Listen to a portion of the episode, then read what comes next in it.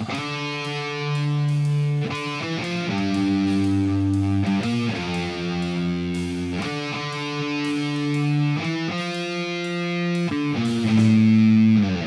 og velkommen til podkasten Uønska. I dag skal vi snakke med HR-direktør for Caverion. Og Caverion er ikke bare et lokalt eller landsdekkende firma. Det faktisk, eh, finnes faktisk over hele Europa. Så jeg må få si velkommen til deg, Anne. Det er en ære å få ha deg med. det er en ære å være med også. Hva er det egentlig HR-direktør eh, Hva går tittelen ut på? Ja, det, jo, det, står jo for Human Resource, altså eh, menneskelige ressurser. Eh, og den tidligere tittelen kunne like gjerne vært personal eller medarbeider. Kanskje medarbeideransvarlig hadde vært vel så bra tittel. Og det betyr jo ikke at du har personalansvar, for det ligger i linja, men det betyr at du skal passe på at alle og legge til rette for at alle kan ha det bra på arbeidsplassen. Og utvikle seg. ja.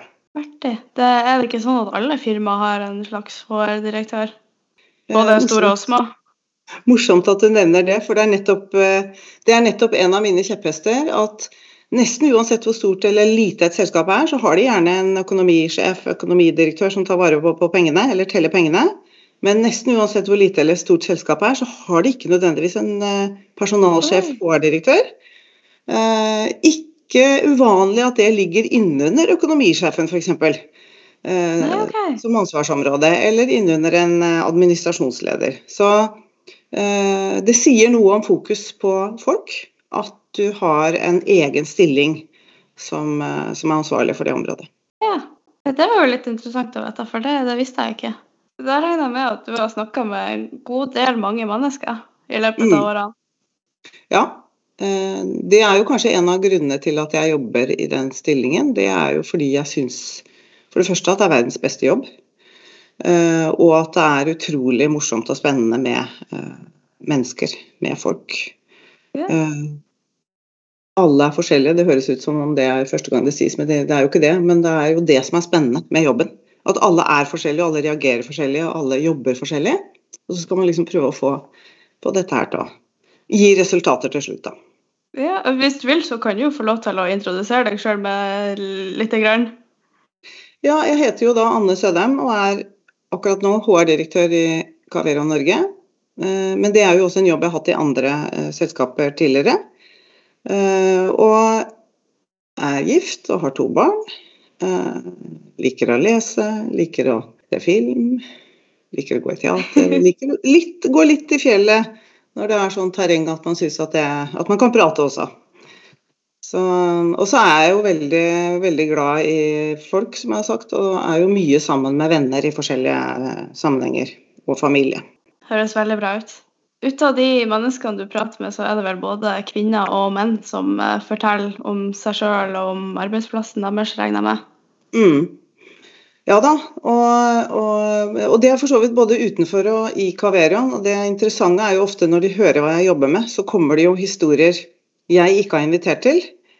Eh, og det er ikke uvanlig at de historiene handler om eh, at det er vanskelig på jobben. Og det kan handle om arbeidsmiljø, det kan handle om at det ikke er så godt samarbeid med sjefen. Det er veldig viktig at du velger din leder i dag. Eh, fordi det påvirker også livet ditt på samme måte som en partner eller ektefelle eh, gjør det. Eh, og så er det heller ikke uvanlig at jeg får høre om historier som går på at de blir diskriminert eller de blir trakassert i en eller annen form. Og hvordan skal de løse det? Hvordan skal de gå fram for å få til det? Og det kan jeg tenke meg er vanskelig for mange å finne ut av. Du, ja, for det første så går det sakte, men sikkert opp for deg hva det er du utsettes for, og så skal du samtidig prøve å finne ut hvor, hvor skal jeg gå, hva skal jeg gjøre, hvem skal jeg snakke med? Det er slett ikke lett i det hele tatt. Det, jeg snakker av erfaring. Det har jeg skjønt. Og da jeg, hørte, da jeg, hørte, din historie første gang, så tenkte jeg hvorfor tok du ikke kontakt? Og så er Det jo sånn at det, eh, går jo også opp for meg at det er, ikke, det er ikke så lett å ta kontakt når du ikke har truffet de som eventuelt kan hjelpe deg. og Derfor så har vi jo prøvd å systematisere det litt og få, eh, få til en litt enklere versjon. og og det er klart at uh, det at uh, vi kjørte noen nettverk, kvinnenettverksmøter altså Pandemien kan, uh, kan, kan, vi godt diskutere fordeler og ulemper ved, men, men, det ene er at vi fikk mer tid med familie, og det andre er at vi begynte med digitale møter. Som gjorde at vi traff alle de kvinnene som ønsket å delta på dette kvinnenettverksmøtet. Mens det tidligere var fysiske møter, og da var det jo en del av kvinnene som ikke kunne reise inn til Oslo, hvor møtet var. Og Da fikk vi jo utrolig mye gode innspill. Da. og Det ene av dem var jo faktisk at vi trenger, vi trenger en enkel oppskrift for hvordan vi skal gå fram når vi utsettes for noe. Litt sånn som vi gjorde i pandemien, at det var 1, 2, 3 eller ABC. Eh, ta på munnbind, eh, hold avstand, eh, vask hender. Ja, Eh, Veldig så sånn klare retningslinjer. Ja, ja, og den må være lett tilgjengelig, så da har vi laget en, eh, en sånn brosjyle, en liten folder, som skal ligge lett tilgjengelig. Og så holder vi akkurat nå på å etablere en, en egen nettside, hvor man også bare kan gå inn med en QR-kode og finne ut hvordan man skal gå fram og hvem man kan kontakte, hvis man er et sted hvor den brosjyren eller folderen ikke er. Ja, det her er noe som Kaveron står bak. Dette er noe som Kaveron står bak, og som vi fikk også eh, tips av, eller et, egentlig et innspill fra en av de unge, faktisk en av de unge kvinnene i, Kaverion. Så dette er for, eh, i første omgang for Kaverion-ansatte. Men jeg er jo så opptatt av at, at uh, sharing is caring. Altså at vi deler også med andre de gode ideene vi har, sånn at flere selskaper kan gjøre det samme. Fordi Kaverion alene kan ikke sørge for at mangfoldet uh, fungerer, at vi inkluderer alle. Så her må alle bidra. Så Derfor så, så deler vi også disse tankene og ideene med andre når vi inviteres til det. Ja.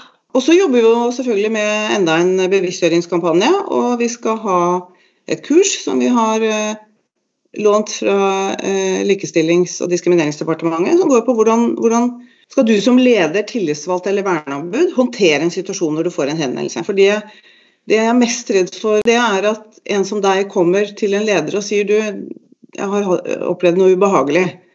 Og så begynner du på historien, så, så sier lederen bare kan du ikke bare børste det av deg, kan du ikke bare gå videre. Ikke bry deg. Dette må du bare stå i.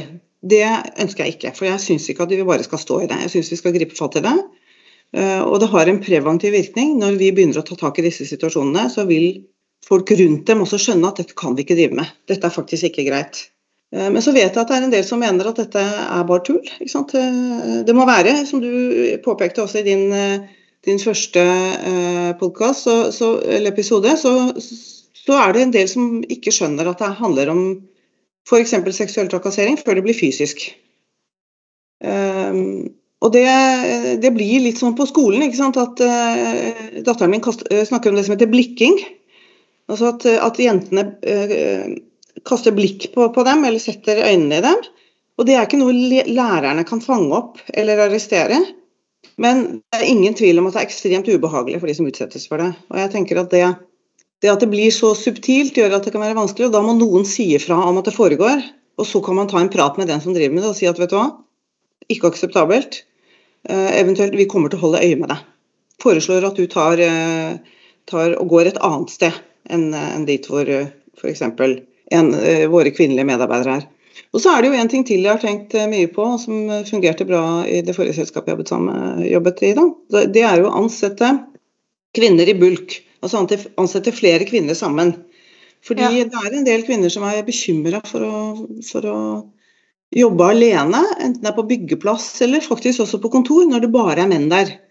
Og Det er ikke fordi at de mistenker mennene for noe, men det er et eller annet med å ha en, en eller annen eh, som er litt i samme situasjon. da. Og Derfor så gjenkjente jeg så mye av det du sa også, det å ha noen andre å prate med. Er det bare meg som opplever dette, eller yes. ser du det samme som meg? Skal jeg gjøre noe med det, eller skal jeg ikke gjøre noe med det? Så ut, Utrolig viktig, og den bevisstgjøringen gjør også at vi kanskje mobiliserer alle kollegaene også. Altså, kollegaene må våkne opp, følge med.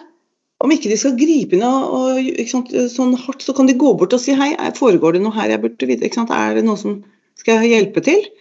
Og kanskje bare ta med seg denne kvinnelige medarbeideren, eller for så vidt også unge menn som opplever diskriminering eller trakassering på noe vis. Sånn at, at de kommer ut av situasjonen. Da. Jeg var jo kjempeheldig med at når jeg starta som lærling, så var vi to jenter som starta. Og det Jeg hadde forberedt meg på at når jeg drar på arbeid den dagen, så er det nok mest sannsynlig bare jeg som er der. Men nei da, det var ei telle, og det var veldig deilig, kjente jeg. Ja. Ha hun, så vi har jo holdt kontakten gjennom hele lærlingtida og prata mye i lag. Ja. ja, så er det jo noe med å være når dere er på samme plass også, så, så opplever dere jo på mange måter det samme. Og kan støtte hverandre og ikke minst heie på hverandre. Ja, dette syns jeg faktisk du skal ta videre. La oss gå sammen. Jeg kan være med deg. Ja. La oss gå sammen, så slipper du å være alene om det også. Ja, det tror jeg er Absolutt. Ja. Det er kjempebra. Det er akkurat sånn det burde være. Ja. Og så er det klart, i en mannsdominert bedrift eller en kvinnedominert altså det, Du har jo den eh, du har jo, Ja, det går begge veier. Ja. Og der, der har jeg jo snakket med venner som også jobber i i kvinnedominerte bedrifter. Og du, du opplever faktisk en, en form for, eh, for eh, trakassering der også, i noen sammenhenger. Men den er på en måte kanskje ikke like røff, da. Men den kan være like slitsom og like krevende å stå i. Um, fordi det er klart at eh, kvinner som er sammen, mange kvinner som er sammen, kan få en terminologi og en omgangsform og en måte å sleivsparke på som, som også er ganske slitsom å, å stå i. Og Av en eller annen grunn så, så, så føler de seg berettiget og, og syns det er greit å gjøre det også. Og, og det er jo ikke det. Det er voksne folk på en arbeidsplass. Man skal behandle hverandre ordentlig. Og så skal man jo ikke slutte å spøke med hverandre. Jeg husker det var eh, på det, på det ene møtet jeg var på, så var det jo Eller på flere av møtene jeg var på rundt i landet, så var det flere som sa Får vi ikke lov å klemme hverandre lenger heller? Jo, sa jeg. Jeg tror du vet hva en klem er. Ja, de fleste var jo for så vidt enig i det, da. Og så var det en som sa at eh, ja, får vi ikke lov å fortelle eh, vitser som omhandler sex lenger nå, da, hvis det er kvinner i nærheten? Jo da, det, det går sikkert fint, men det, det finnes jo andre ting å prate om òg. Så det er et eller annet med liksom å, å sette, sette et perspektiv på det. Det blir, ja, det blir, det blir eh, vanskelig når man føler seg angrepet, eh, når budskapet er ta vare på hverandre. Og så kan det godt hende at jeg hadde en litt for, for tøff tone. Det, det kan jeg nok erkjenne. Fordi jeg, opp, ja, fordi jeg opplevde at det, at det var viktig at de forsto. Og så kan det hende at det opplevdes mer som et angrep enn som, som en invitasjon til å være med og, og, og, ta vare på hverandre. Da. Og det var jo det som var min intensjon. Og noen ganger så kan man jo selvfølgelig bomme på det også. Så. Så det, Jeg er litt sånn at eh, folk får nå bare snakke om hva de vil, men jeg har også en sånn eh, Jeg holdt på å si et filter, men jeg har eh, en sånn skrue inni hodet. altså jeg kan- bare skru av eh, når jeg hører at eh, mannfolkene sitter og prater om eh, grisete ting, og liksom bare melder meg totalt ut av samtalen. Sånn at mm, når de prøver å få kontakt med meg, så må de liksom bare 'hallo'. Jeg bare 'hæ?'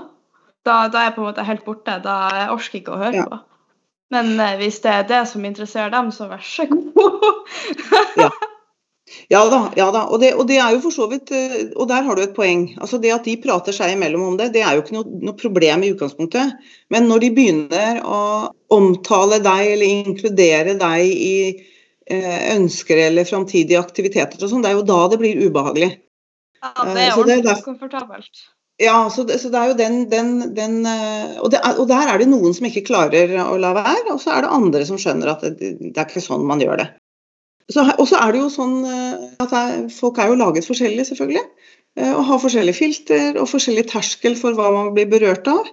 Og jeg tenker at mange kjenner at dette er ikke noe problem. Altså, jeg, jeg opplever ikke at det er noe Jeg, jeg syns også, også det er greit å snakke om det, ikke noe problem i det hele tatt. Mens andre de syns dette er helt forferdelig.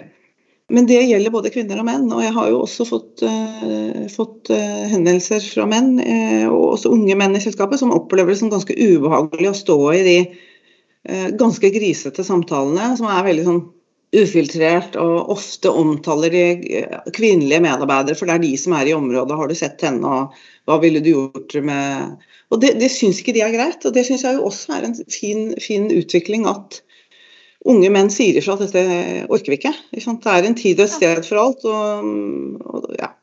En samtale på puben er noe annet enn en samtale når du holder på, med, holder på å jobbe. Da. Så, så det er viktig. Og så er det jo kvinner som sier at uh, dette har vi stått i i alle år, hva er problemet liksom? Kan de ikke bare, Dette må de leve med. Og det tenker jeg også, det er ikke greit. ikke? Her må vi, her må vi, her må vi sørge for å bistå til at kvinner slipper å stå i det. De skal kunne gå på jobben og gjøre en, en bra jobb uten å være, uh, lure på hva som skal skje neste gang og se seg over skulderen. Du, du nevnte det at uh, unge mannfolk kommer til deg og sier at uh, sånne ting er ikke greit å snakke om. Men de, de sier det til deg, ikke til ja. de uh, som faktisk kommer med de kommentarene til dem. Nei, og Det er jo også en utfordring, og det, det, har jeg også snakket med dem om. og det er klart, Når de kommer til meg, så er det gjerne rett etter at jeg har holdt et innlegg om det. Så ja. kommer de gjerne bort og snakker med meg. Når, når, jeg er litt alene, så kommer de og sier at dette syns de. Og, og, en del andre også. Og da har jeg, sagt det, at dere, dere, kjenner ikke at dere kan si ifra om det. Å, det, det, kan du bare glemme. Så det er klart, mm. det er jo også det er jo sterke krefter, eh, og, og det, er, det, er en, det, er, en, kameratkultur der du bare ikke bryter inn og, og, og, stopper dem. Men det er klart at kommer vi dit at de sier at dette syns jeg ikke dere skal drive med, og dette er en, en kollega av meg som, som, jeg setter pris på, jeg liker ikke at dere prater sånn om henne eller om han. Uh, men det er klart det, er jo litt det samme som man opplevde på skolen. At det å stå ved siden av og se på at andre blir trakassert eller mobbet, det, det er lettere enn å gripe inn da, og si ifra at det er ikke greit. Men nå er du voksen. Nå forventer vi faktisk litt mer uh, når du er i arbeidslivet. Så nei, det er, det er, det er vanskelig å, å, gi marsjordre til dem. Men jeg oppfordrer jo selvfølgelig til at man begynner å si ifra. sånn at, at også de som driver med det, vet at det kommer reaksjoner. De kommer ikke til å prate om dette uten at noen vil reagere og si ifra. Det hadde jo vært fantastisk hvis vi kom dit. Og jeg tror det er dit vi må. Og jeg håper at det er det vi får til nå. Når vi, når vi, nå kommer ut med denne eh, kampanjen vår Nei, det er ikke greit. Og så, eh, så får vi se litt hvordan vi gjør det framover, om vi skaper litt ja, diskusjonstemaer som folk kan snakke om. Eh, og at man da på lunsjrommet kanskje begynner å snakke om disse tingene, og, og kanskje noen da tør å si at vet du jeg syns ikke dette er greit, jeg. Og det kommer sikkert til, for, fordi, fordi, det vil nok være de som sier at dette syns vi er bare tull. Vi fortsetter med det vi har gjort. Og så, så er ønsket da at noen sier nei, det syns jeg ikke dere skal. Ja, det er jo ofte Hvis én person starter, så er det ofte flere i samme lunsjrom som tenker det samme. Men man sitter ja. på hver sin stol og i sine egne tanker og tør ikke å si noe. Vi trenger folk som står fram og, liksom, og er den første.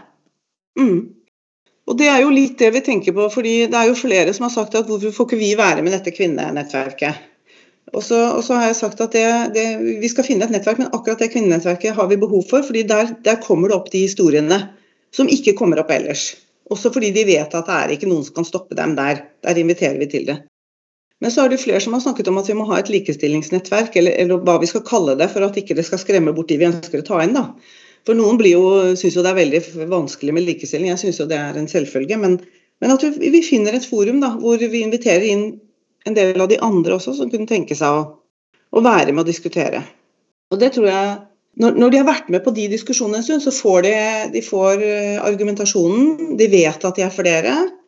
Eh, så det blir litt det samme som i Kvinnenettverket. Jeg er ikke alene om å mene dette. Vi er faktisk flere som mener det. Og han ene han sa at han har snakket mye med samboeren sin om mye av den eller terminologien, den litt røffe terminologien. Eh, og hun hadde jo oppfordret han til å si ifra, men, men, han hadde på en måte ikke oppdrevet nok. Visste ikke riktig hvor han skulle begynne, da. Så det, du, jeg tror du har helt rett. Hvis man vet at man er flere, så kanskje det er litt lettere å si ifra. Du vet at du får backing fra en to-tre andre da, når du sier ifra.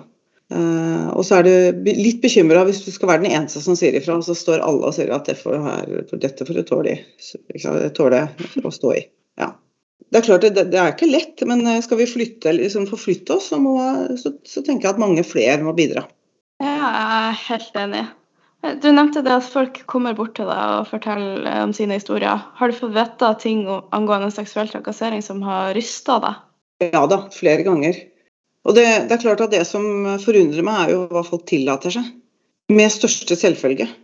Så, så det er klart det er eh, ja, Det ene er at, jeg, at det, er, det, er, eh, det, er, litt rystende at eh, voksne menn på over 50 syns det er greit både omtale og adressere seksuelle aktiviteter til en 16-årig skoleelev. Eh, det syns jeg er helt forferdelig. Ja, vi har jo inn skoleelever. Men også de unge lærlingene våre som er eh, fra 18-19-20 år. ikke sant? Vi snakker, vi snakker, om at de kunne vært både far og bestefar til disse. Nå skal det jo sies at når det gjelder eh, i Kaverian, så handler det, dette faktisk om litt det samme som du opplevde. At det er fra andre selskaper eller fra oppdragsgiver som gjør dette. De, de situasjonene jeg har håndtert i Kaverion, har jo handlet om uh, folk på samme alder. Og uh, at de ikke har hatt kunnskap om hva det betyr. At de har vært De kommer rett fra skolen med en omgangsform og terminologi som, uh, som, som de kom unna med på skolen. Men på en arbeidsplass så kommer du ikke unna med det. Der er det helt andre regler. Og så handler det kanskje om at man er litt interessert i denne unge kvinnen, og så er ikke hun interessert, og så kjører de på likevel. Så blir det utidig. De bruker arbeidsplassen som en sjekkeplass, ikke sant? og så funker det ikke. Eh, så, så, så, det er kanskje Det som er leit med det, er jo at, at, det får helt andre konsekvenser enn du hadde tenkt. Da. Og så er det eh, også faktisk eh, situasjoner hvor, hvor, enkelte, og dette var ikke fra vårt selskap, det var faktisk fra et tidligere selskap jeg jobbet i, hvor enkelte får lov å holde på i årevis fordi ledere ikke har sett at det har vært behov for å gripe inn. Og Det er også ganske rystende. Så, og, så, og så er det jo sånn, det er viktig for meg å si at, at, at, at vi i Kaverian vi kommer til å gripe fatt i de situasjonene så lenge vi vet om dem. Så Derfor så er vi jo avhengig av at de sier ifra. Og så vil vi selvfølgelig behandle situasjonen ryddig, og det betyr at det må være kontradiksjon, altså at begge parter må få lov å si ifra. Hva de har opplevd, hva er situasjonen. Og det betyr ofte at du må snakke med partene flere ganger for å avklare hva har skjedd. Og Hvis det er overlappende eh, det de sier, så er det, så er det noe man kan ta tak i. Hvis det liksom er fullstendig eh, forskjellige historier, så må man etterforske litt til. Jeg opplever også at eh, de som er utsatt for trakassering, de vil jo helst at vi skal sparke den som har gjort det, umiddelbart. Men der må vi jo følge arbeidsmiljøloven. Så før det så er det jo advarsler, og det er en del andre virkemidler man må bruke. Men det er klart at uh, jeg opplever jo også at de som har vært inne til samtale og fått en advarsel, de Jeg hører jo ikke om dem igjen. Det stopper jo. Så langt jeg vet. Selvfølgelig, ja. selvfølgelig. Men det er jo forhåpentligvis kjempebra, da. Ja, og det handler jo nettopp om at de har Som regel så handler det om at de ikke forstår eh, hva det er de har gjort. De, de tror at de ja, enten har sjekka opp dama eller bare vist interesse, og så har det blitt ubehagelig og påtrengende og altfor lenge. Ja. Uh, ja. Og når det skjer på privaten, så er det én ting, men på arbeidsplassen så er det noe helt annet. Og, og da angår det arbeidsgiver, og da må arbeidsgiver gjøre noe med det. Og så er det jo noen ganger også sånn at det foregår på arrangementer i tilknytning til arbeidsplassen. Det kan være enten fester, eller det kan være avslutning av prosjekter, f.eks. Um, hvor man har en middag. Uh, det kan være arrangementer i regi av, av f.eks. L og IT eller andre. Men det er sosiale arenaer. Ja. Og da også, hvis det skjer der, da også har det faktisk tilknytning til arbeidsplassen, og da er det greit å komme og snakke om det, og så ser vi hvordan vi skal ta tak i det. Ja. Det er kjempebra å høre på at uh, et firma som tar det så seriøst. Det, sånn burde alle firmaer ha det. Ja, og jeg tror veldig mange firmaer gjør det. Men jeg tror nok mange ja, også tenker det tror jeg faktisk ja, ja, Men jeg tror nok at en del selskaper har, er, lurer litt på hvordan de skal gripe det an. Og jeg vet også at for mange så er det ubehagelig å snakke om det. Så de lager gjerne kjøreregler for det, men snakker ikke så mye om det. Og en av de viktigste punktene er faktisk å prate om det, så det blir en bevissthet rundt det. Og Derfor er det så fantastisk at du kjører den podkasten. Så jeg håper virkelig at du får mange tilhørere som, eh, som ønsker å ja, både høre på det og diskutere det etterpå. Eh, ja, det her kan jo bli et sånn eh, lunsjtema. Ja. ja, ikke sant. Har dere hørt på podkasten? Hva syns dere? ikke sant? Det er nettopp det, ja. Og så er det kanskje sånn at vi må, vi må lage noen uh, temaer som folk kan diskutere og sende inn. Har dere noen tanker rundt disse dilemmaene f.eks.? Det er jo også, Jeg har jo brukt din podkast i et par uh, omganger nå når jeg har uh, den pilotepisoden din, når jeg har holdt innlegg om mangfoldsarbeidet vårt. og der er jo reaksjonene veldig positive. De, de, opplever jo at ja, nettopp sånn er det. Det er såpass uh, den, For den historien du fortalte, den var, den var uh, såpass krevende å stå i, og samtidig såpass vanskelig å identifisere. ja. At du lurer på hva det er som foregår, og om du kan gjøre noe med det. Og det at du begynte å grue deg til å gå på jobb, sier jo noe om at det er ikke greit. Uh, og dette kan man veldig enkelt relatere tilbake til skoledagene når man egentlig fikk vondt i magen og ikke hadde lyst til å gå på skolen fordi det var et eller annet som skjedde der. Men verken lærere eller foreldre eller noen klarte å få ta, ta tak i hva det var. Eh, for én ting er jo når du liksom ble frastjålet skolesekken på vei til skolen, og sånn, da var det jo mer håndfast. Men det andre er når du blir sånn som, som, du viser til der, hvor det rett og slett blir så ubehagelig, og du prøver å komme deg unna, og det ikke er sjanse til, til, å stoppe deg. Det tror, jeg, det tror jeg mange har opplevd. Nå opplever jeg heldigvis lite eller ingenting av det eh, nå, men det er klart at jeg har jo vært i situasjoner for mange år siden som ikke er ulik eh, den du var i, og da, da var det ikke tema eh, på samme måte å, å snakke om det. Eh, og så, så, lærte jeg jo å si ifra, og da ender det jo med at de holder seg helt unna. For det var ingen som hjalp meg med det. Og så er det nok mange som tenker at hos oss foregår det ikke, men det er klart med 2500 medarbeidere så vil det foregå noe. Men jeg håper jo at gjennom den bevisstgjøringskampanjen vi kjører, eh, eller kampanjene vi kjører, så vil folk mer og mer tenke at nei, dette kan vi ikke drive med. Dette er ikke greit. Og selv om jeg syns det er gøy å snakke om dette, så er det ikke sikkert at andre syns det. Så, så da får man heller finne sine likesinnede på en pub på kvelden i stedet. ja, godt, godt, sagt.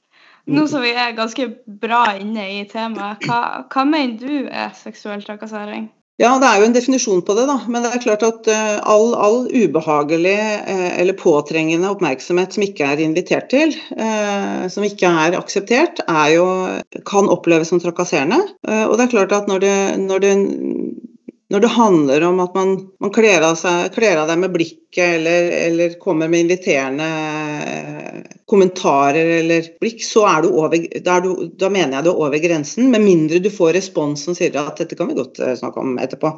Uh, og det er klart at Når man da responderer med å snu seg vekk eller ikke ønsker, så må For det er jo lov å prøve seg, jeg sier ikke at ikke det er lov, det er jo en arbeidsplass hvor folk møtes. Men da må man trekke seg. Da må man trekke seg unna. Og så har du det helt klare som går på at man blir fysisk. At man blir for, for tett på. Det er, ikke, det er ikke greit. Og Jeg fikk jo en historie en gang fra, fra en eh, som hadde vært på en sånn byggeplass. Det var ikke, ikke Caverion-medarbeidere, da. Men, men, hvor damene klassisk nok skiftet bak et forheng innerst i herregarderoben. Og når, når, når, når, disse var i form, så, så trakk de jo forhenget til side mens de holdt på å skifte. Det var det ene. Og det andre var at en av gangene så sto de Dette har jeg fortalt også på en del av disse møtene jeg har vært rundt i Caverion. Okay. Så en av gangene så sto, sto disse mennene i, i, etter hverandre på begge sider av garderoben når damene eh, kom ut, og så måtte de gå mellom disse herrene, sånn at de berørte samtlige. Så, ja. så, så, Det er så mange varianter av hvordan dette foregår som ikke er greit. Og da tenker jo jeg, hvorfor er det ingen som stopper dette? Er det ingen hjemme? En av dem burde ha sagt at hoi, karer, dette er ikke greit, la det være. Men da hadde de tydeligvis ja, hausa hverandre opp. Eh, nei, så, så, det er klart, det er jo eh, Det er jo sånne historier hvor jeg bare tenker eh, Er det mulig? Og, og, og, jeg vet jo aldri om den ble meldt, den historien, eller om det ble gjort noe med den. Så, så, men at det foregår mye sånne rare aktiviteter, det er jeg helt overbevist om. Ja, det, det der var jo et veldig godt eksempel på hva som er innenfor og hva som ikke er innenfor. Og sånne ting er med på å gjøre at jeg er utrolig glad for at vi har fått uh, egen garderobe nå. Mm. At vi slipper det der. Ja, og det, det, er et samarbeid i bransjen også, ikke sant, å få til det. Selv om det burde vært en selvfølge for lenge siden. Og Det var jo også noe av det kvinnene adresserte ganske raskt da jeg kom inn. Det ene var klær. Vi har ikke klær som passer. De var, og, det, og, det, er jo masse små damer, eh, og de gikk liksom i disse store buksene og beltene. Kan relatere. Ja, og så var det, var det når de ble gravide. Da måtte de sy ut. Og da, da jobbet jo Neda bl.a. med forskjellige klesleverandører og spurte om ikke de kunne lage en kvinnekolleksjon, eh, og fikk beskjed om at det var for dyrt. Men så hoppet blåkleder på og tenkte at vi skal være først, vi, vi gjør det. Og da stilte jo Neda som, som modell også, kunne, for hun er jo en liten dame. Og så var det det med garderober, og der, det er jo nå heldigvis tariffestet. Og Så kan man jo diskutere om det er lovfestet også, for vi skal jo ikke gjøre forskjell på kvinner og menn. De skal kunne gjøre jobben sin på en ordentlig måte. Men der var, det jo, var hele bransjen eh, enige om at dette må vi få til. Og det å jobbe sammen med, med arbeidsgiver også er utrolig viktig. Eh, og oppdragsgivere. Sånn at, at, de ikke kommer med argumentet 'det er for dyrt'. Eh, og jeg tenker at eh, det er for dyrt å la være. Fordi at vi trenger flere medarbeidere, eh, og vi trenger flere yrkesfagarbeidere. Og utfordringen vår nå det er at uh, så lenge vi ikke legger til rette for at det skal være trygt, og uh, man skal ha de fasilitetene man trenger når man, uh, når man, jobber, så er det nok en del som kanskje kommer inn og forsvinner igjen. Vi opplever jo at det er ganske mange lærlinger, men de, vi vet ikke hvor de blir av etter hvert. De blir borte. Kvinnelige altså at det er slutt når lærlingtida er over? Ja, de slutter. Og, og, årsaken til det skulle jeg gjerne ha visst. Ja. Det er nok sammensatt. Det er nok de som finner ut at dette var kanskje ikke helt livet, men det er også de som finner ut at dette blir for slitsomt i hverdagen. At ikke ting er tilrettelagt.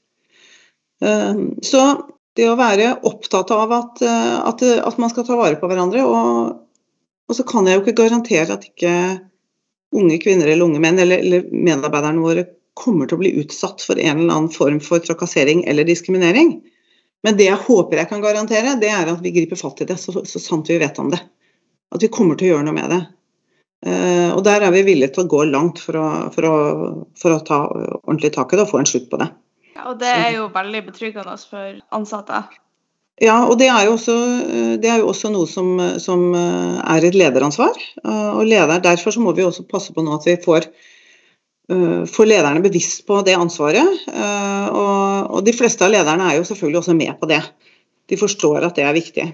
Og så, er det nok, så finnes det nok både krefter som syns at, at dette, får vi, dette, får vi, ta etter hvert som, som, tiden går, og så finnes det de som mener at det er langt på overtid å gripe fatt i dette. Og jeg tenker at vi kan ikke vente på at det går over. Vi er nødt til å, nødt til å ta tak i det, sånn at vi får satt en stopper for det. Som du sjøl hører, er jeg og Anne ganske godt inne i temaet. Og jeg tenker at det vi snakker om faktisk er såpass viktig at vi rett og slett er nødt til å fortsette i neste episode. Hvis du har en historie du kunne tenkt deg å dele, anonymt eller ikke, skriv gjerne til oss på Instagram uønska, eller på e-post uønska.outlook.com. Jeg ønsker å fjerne skam og frykt fra seg ifra. Jeg ønsker at folk skal trives på jobb. Du har hørt på podkasten Uønska.